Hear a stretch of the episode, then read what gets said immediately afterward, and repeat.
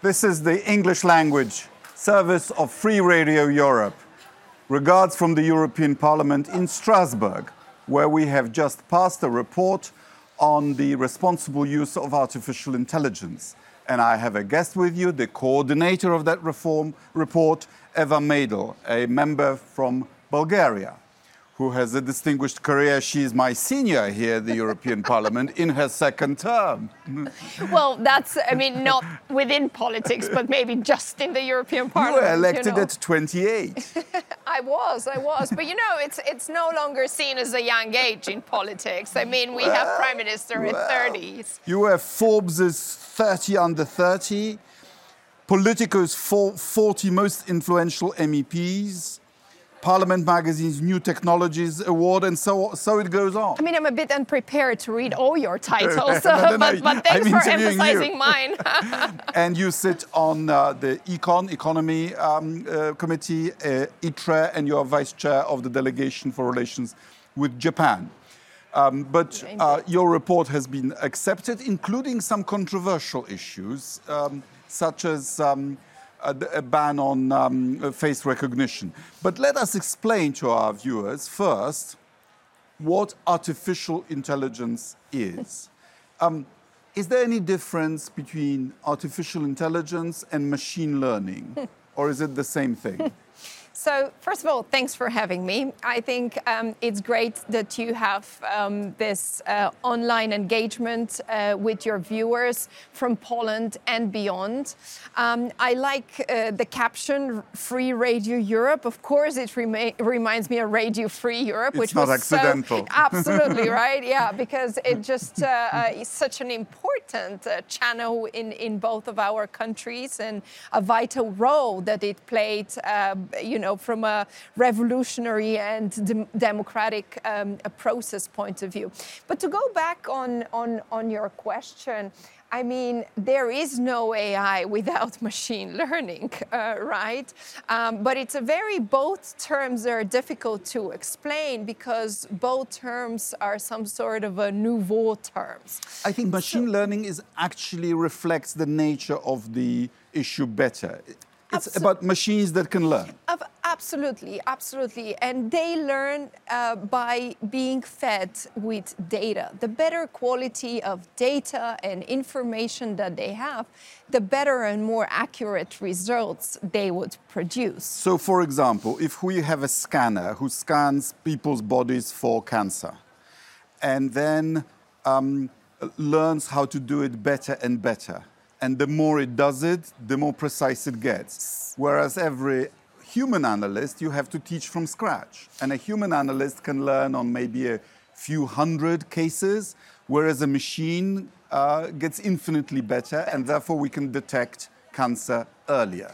Correct. And, you know, there's no worry that your personal data in some way would be shared because there is just a certain amount of data that that machine would use, which will not disclose who you are or your other, perhaps, diseases or so on.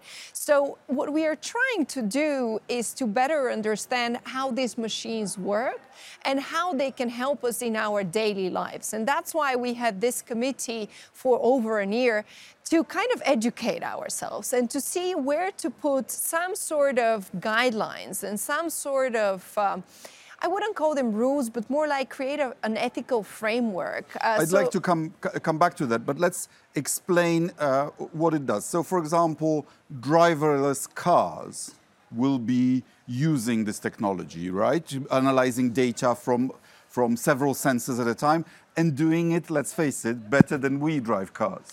Well, that's the idea, right? Um, because it should be able to react faster than no we, blind spots. Uh, then we should be able to, no to react in, in difficult situations. So um, that's the idea that they could aid us in, in difficult situations or in a moments of when we are distracted. Uh, in Poland, we have over 3,000 road deaths per annum. Um, well, the numbers are pretty high across Europe. That's a very high number, actually. Um, and so it's about bringing together different ways of putting the, the road tolls of debts lower, right? And one of them could be technology, could be the way we use technology to regulate traffic, could be the way those autonomous cars are, are driving. Uh, and perhaps the easiest way to think of is some bus line, lines when they drive on certain lanes that are more straightforward and more clear. It could be a sort of a testing phase um, for using those autonomous vehicles. Um, but you know, we kind of people say, well, what are those, those two talking out there? That's not the case today. Well, I believe it might not be the case tomorrow either, but it will be the case at some point because we would like, I think, um, to become more efficient and to use, you know, uh, the human intelligence uh, for more productive tasks, well, perhaps. Machine learning can help us analyze data about society as a whole to guide better government policy. For example, for creating networks of hospitals or for directing uh, uh, state assistance to the truly needy and so on. Absolutely. And um, machine learning could do that faster, can do it probably more accurate. Uh, and then it's still up to us, right? Um, to kind of take the decision, um, to see what the analysis tells us. Uh, but a machine could just do it faster. Um, and it could analyze the amount of data, as, as you said, and when you gave the example um, in the health sector, that it can analyze is just so much more, which gives you a better result in the end and a more accurate result. It feeds you with the better information for you to take the decision, and that's so important. But it can also do bad things. So when uh, Mr. Putin launches, even before the pandemic, uh, a, um, an anti vax support movement, originally traced back to about 12, 12 accounts, powered by computer bots that can learn how people react and, and create the impression of having a conversation with a human being when it's actually a computer, and thereby get people to um, eventually not to take vaccines. Um, so absolutely, and we are not shining away from um, the issues that there that come with technology, and particularly when it comes to disinformation and influence public opinion by using technology. Um, I think we need to be very clear that, for example, in deep fakes, I mean, AI could power deep fakes, but AI could also detect deep fakes, um, and so this is why I think in this house we are the first one in the world to sit down and say, well, let's see where are the opportunities and where are the threats, and how could we limit the threats, and how can we create some sort of an ethical guidance for companies uh, and also for democratic nations in general, because all these autocrats are out there wanting to weaponize AI and to use it against the democratic society. This, this was the point that I made in my speech uh, on your report that this House is humanity's only hope for um, sensible uh, regulation Absolutely. of AI. The Russians are not going to, be, to do it. The Chinese are using it as a state of coercive control over whole society with the system of total uh, surveillance and social points whereby you are controlled basically and incentivized for the authoritarian government Absolutely. all the time, right? And I'm afraid the Americans are not going to do it because Congress is captured by tech companies who are driven by the profit motive. So, I mean, this is why I think what we have to do, I mean, our most important task today, once this report is, is adopted um, and, and, agreed upon, our most important task is to reach out to those democratic allies and to say, look, we're not the ones that are trying to regulate innovation. No, we would like to make sure there is innovation while in the same time we give some guidelines, some democratic norms. We balance those... the interests exactly. of the industry and That's the consumers so, and citizens. So for the first time when you when you regulate on something, you, it has to be proportional. There has to be a balance. So I think our job is to, you know, sit down and speak to our democratic allies and be like, look, there's so many threats around us. If today we do not understand that we need to sit around the table, find a common understanding, and work on those topics, it's not just that China will outrival us on that topic, but we'll see uh, Russia Russia, China, and others, uh, you know, use this technology against us. Um, so I think the, the stakes are pretty high, and I think this is more important for us as European uh, policymakers to focus today, rather than focusing necessarily on exactly how the legislation will, uh, you know, will, will, will work, which is of course important, and that's what we will plan to do with the legislation coming on AI.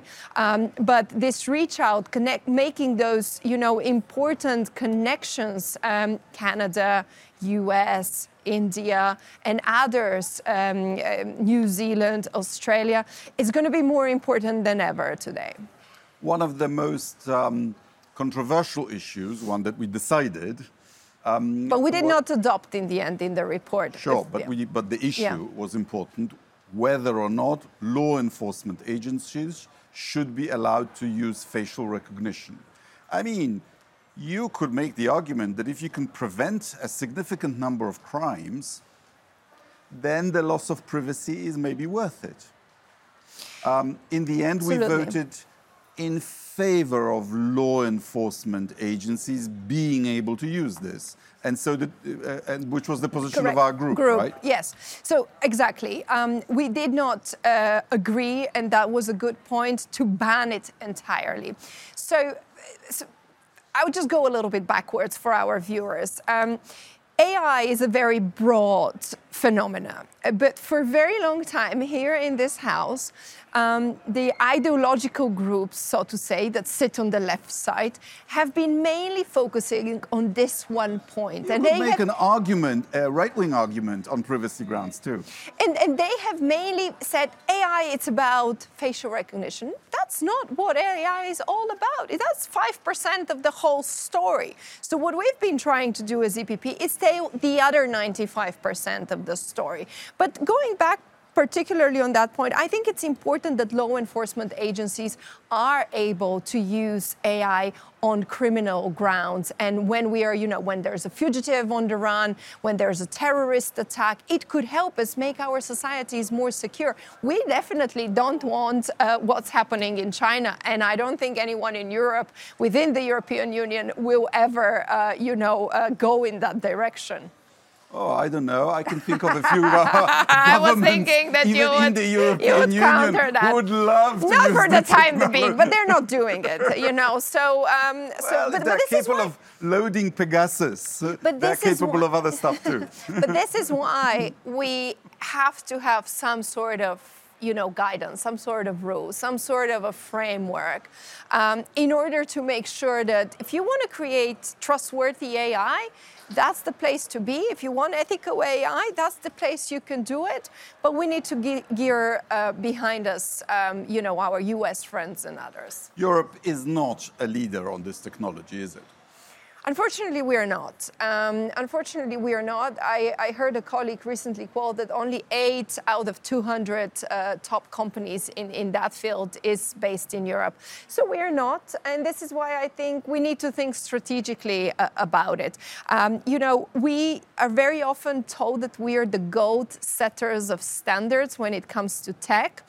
And this is a good thing, of course, but it also maybe just lets you be the referee, right? We have to also be the players in that game. So I would like us uh, to think strategically of how we can be the players. And it won't just work uh, when you set uh, standards. It would work when you uh, try that those standards are not just gold, but they're global. It will help when some of those companies collaborate more with their transatlantic allies as well. It will help if some of those companies that are currently based elsewhere decide to find talent in Europe and we start developing our ecosystems. I mean, Poland is a great example of very thriving tech ecosystem, both attracting those that were successful from overseas, but also creating its own. Um, and if we could replicate that in a few other countries, I think there's a lot of ground um, in attracting investment, but also, you know, having our unicorns, having our good example. I mean, in the health sector. We, we had some groundbreaking, you know, innovations um, around COVID, for example. Um, but we also do have our excellent AI companies. They're just few for the time being. And of course, they're not operating with the amount of data some of the big American companies are currently operating. So the less data you have, the less you could, you know, scale your project. Lastly, there is something that uh, Bulgaria and Poland have in common right now. We've both been cut off from gas supplies by Indeed. Mr. Putin. Indeed, but for different reasons. Uh, you know, I think because Bulgaria, in this case, is the weakest link in in in that um, in, in in in that situation. Bulgaria wasn't able to uh, give a very, you know. Um, clear view on where it stands, unfortunately. Uh, and it's a, it's a warning sign for those, because you mentioned some of these countries before, it's a warning sign for those who are trying to either balance or be friends with the autocrat to see that even if you're trying to balance and be friends with the autocrat, he's still cutting you uh, off uh, your, your gas supplies. So I think the we're in the same situation, but for different reasons. Right. Well, thank you very much. Thank you. Eva Mendel, congratulations on the adoption of your report. Thank you. Thank you. This has been the English language section of Free Radio, Radio Europe, a European voice in your home. If you like it, please um, like it, share it, pass it on. Thank you very much and goodbye.